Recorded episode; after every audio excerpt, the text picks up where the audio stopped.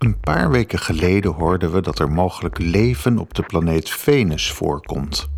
Vandaag vragen we ons af hoe staat het daar nu mee? Hoezo wisten we dat niet al eerder? En waarom is er nog geen raket op Venus afgeschoten om wat selfies te maken met die aliens? Even om uw geheugen op te frissen. De planeet Venus is de tweede planeet na de zon en lijkt in diverse opzichten op onze aarde.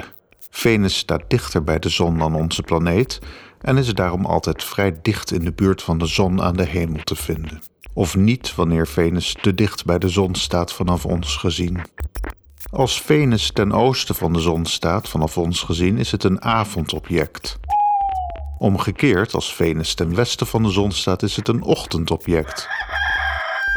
Geheel foutief wordt Venus dan ook wel de avondster of ochtendster genoemd, maar het is gewoon een planeet en geen ster.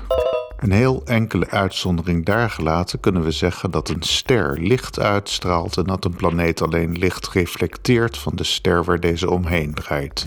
Die termen ochtendster en avondster stammen nog uit een tijd dat mensen serieus geloofden in verzinsels als goden, helderziendheid, astrologie en spoken. Planeet Venus is maar iets lichter dan de aarde en de valversnelling is er dan ook vergelijkbaar met die van de aarde. Voor de rest is het een buitengewoon onherbergzame plaats om op vakantie te gaan, met een gemiddelde oppervlaktetemperatuur van 464 graden Celsius. De luchtdruk is zo'n 91 atmosfeer en 96,5% van de atmosfeer bestaat uit koolstofdioxide. Kortom, ongeveer de omstandigheden waar wij op afkoers als we zo doorgaan of bepaalde politieke ezels in het zadel helpen. Hoe dan zou Venus leven kunnen herbergen? Op 14 september van dit jaar publiceerde Jane Greaves en collega's een artikel met de titel Phosphine Gas in the Cloud Decks of Venus in het tijdschrift Nature Astronomy. De strekking van dit artikel werd wereldnieuws. Met behulp van spectroscopie werd de stof fosfine aangetroffen in de atmosfeer van Venus. Fosfine heeft de scheikundige formule pH3. Dat betekent dat drie waterstofatomen een covalente binding aangaan met een fosforatoom. Fosfine is een geurloze, giftige stof. Wat wel merkwaardig is, is dat fosfine niet erg stabiel is in de Venusatmosfeer. Het zou vrijwel direct overgaan in een geoxideerde vorm. De wetenschappers van voornoemd artikel hebben de hoeveelheid fosfine in de Venusatmosfeer geschat op 20 ppb. Wacht, wacht, wacht. Dat betekent 20 delen op de miljard deeltjes. Dat lijkt misschien heel weinig, maar is toch aanzienlijk veel en hoogst opmerkelijk. Deze hoeveelheid kan eigenlijk alleen verklaard worden door aan te nemen dat fosfine continu wordt aangevuld in de Venusatmosfeer. En u raadt het al, op aarde zijn geen processen bekend waarbij fosfine ontstaat anders dan als bijproduct van levende wezens. Dat betekent dus of dat er een nog onbekend geologisch of fotochemisch proces bestaat waarbij fosfine ontstaat, of dat er leven voorkomt op Venus. Voordat we verder gaan, is het interessant om te weten dat de auteurs van het artikel over fosfine in de Venusatmosfeer buitengewoon respectabele wetenschappers zijn. Hoofdauteur Jane Greaves is bijvoorbeeld professor astronomie aan de Cardiff Universiteit en heeft een indrukwekkende lijst publicaties op haar naam. Het team loopt in dit artikel eigenlijk alle mogelijke oorzaken langs om de aanwezigheid van fosfine te verklaren. Om te concluderen dat Venusiaans leven in ieder geval niet uitgesloten kan worden en nader onderzoek behoeft. Maar goed, respectabel artikel, geschreven met de nodige voorzichtigheid. Hoe apart dan ook de reactie op dit artikel op 5 oktober van dit jaar, met de titel Statement from Commission F3 Astrobiology of the IAU on Press Reports regarding detection of phosphine in Venus. Die IAU is overigens de International Astronomical Union. Hierin zeggen zij, en vergeef me bij voorbaat mijn steenkolen Engels, The Commission is concerned with the way the potential detection of phosphine has been covered for the broad audience. It is an ethical duty for any scientist to communicate with the media and the public with great scientific rigor and to be careful not to overstate any interpretation which will be irretrievably picked up by the press and generate great public attention in the case of life beyond Earth. The way results about phosphine were reported led some news organizations to report that evidence for life in Venus was found. The Commission understands that such a reaction by the press would reflect high interest in astrobiology research by the public. Such a report, however, misleads the public and might be harmful to the advancement of astrobiology research. Hmm, ik weet niet hoe het u vergaat, maar ik voelde me niet misleid door dit artikel van Jane Greaves. De IAU zelf kennelijk ook niet, want in een recente tweet van de IAU lezen wij. The IAU would like to clarify that a recent statement about the press coverage of the discovery of phosphine in the atmosphere of Venus originated from the organizing committee of the IAU Commission F3 and not from the IAU executive. Kortom, wetenschappers zijn ook maar mensen.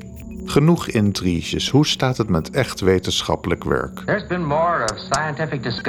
Al in 1967 schreven Harold Morowitz en Carl Sagan in Nature over de mogelijkheid voor leven in de wolken van Venus. Hier vinden we volgens de auteurs namelijk alle ingrediënten die geacht worden aanwezig te zijn om primitief leven te herbergen: water, koolwaterstoffen en zonlicht de dingen waar een beetje plant- of fotosynthetiserende eencelligen wel enthousiast van kunnen worden. Yay. Maar veel recenter was er ook gezonde wetenschappelijke skepsis te horen. Auteurs Truong en Lunine publiceerden al in september van dit jaar hun artikel met de titel Hypothesis Perspectives. Might active volcanisms today contribute to the presence of phosphine in Venus' atmosphere? Kort gezegd stellen zij dat vulkanisme de reden kan zijn dat fosforverbindingen uit de bodem van de planeet Venus richting de atmosfeer worden gestuwd. In die atmosfeer zouden deze fosforverbindingen langs niet-biologische weg fosfine kunnen produceren. Dus niks geen eencellige, gewoon vulkanisme. Niet iets wat we op aarde ooit zien, maar toch mogelijk. Voordat we dit bericht nou afserveren als teleurstellend, zou ik toch verheugd willen zeggen dat dit precies is wat wetenschap behoort te doen. Leven in de wolken van Venus is alleen maar een hypothese en op dit moment niks meer dan dat. Hoe mooi dan dat sommige mensen de tijd nemen om na te rekenen of er nog andere verklaringen gevonden kunnen worden. Science must always prove itself to skeptics. Het is misschien niet zo opwindend als zwevende eencellige, maar als het de waarheid blijkt te zijn, Moeten we daar dan niet juist blij om zijn dat we dat op tijd hoorden? Of leeft u liever in een verzonnen wereld? Difficult, but not impossible. Voor nog een ander perspectief op de mogelijkheid tot leven in de Venusatmosfeer gaan we terug naar het jaar 1978. In december van dat jaar 1978 bereikte het Pioneer 13 ruimtevaartuig en de Pioneer Venus Orbiter de planeet Venus. De orbiter bleef rondjes cirkelen om Venus om gegevens terug te zenden naar de aarde en bleef dat trouwens nog jaren doen. Pioneer 13 bestond uit vier apparaten die naar beneden richting het Venusoppervlak afdaalden. Met deze instrumenten werd een schat aan gegevens over de Venusatmosfeer verzameld.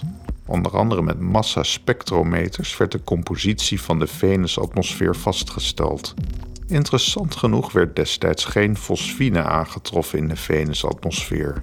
Maar de wetenschapper Rakesh Mogul en collega's gingen met een nieuwe frisse blik kijken naar de decennia oude Pioneer 13 gegevens. Hun bevindingen verschenen in het tijdschrift Nature in het artikel Is phosphine in the mass spectra from Venus clouds? In dit artikel concluderen de auteurs dat ook de Pioneer 13 gegevens wijzen in de richting van fosfine en zelfs andere stoffen zoals methaan en zuurstof die onderdeel kunnen zijn van de levenscyclus van eenvoudige wezens. Waarom sturen we dan geen raket naar Venus om voor eens en altijd vast te stellen of er daadwerkelijk beestjes leven op Venus? Nou, dat is zo eenvoudig nog niet. Voorlopig staat er nog geen bemande missie naar Venus op het programma. Het meest concrete idee op dat punt is de HAVOC-missie van NASA. Maar ja, dat is alleen nog maar toekomstmuziek. Onbemande missies richting Venus worden al sinds de jaren 60 uitgevoerd en staan ook nu op stapel. Het lastige is dan dat voor vertrek al bedacht moet worden welke instrumenten gebouwd moeten worden. Dit soort dure internationale inspanningen kunnen jaren in beslag nemen. En dan is het ook nog maar de vraag waar we precies moeten gaan zoeken. Het mooiste zou natuurlijk zijn wanneer een autonoom, droneachtig voertuig verkenningsvluchten in de Venusatmosfeer zou kunnen uitvoeren. Ik hoop dat ik het nog meemaak, maar ik hou mijn adem er niet in. Tot volgende week.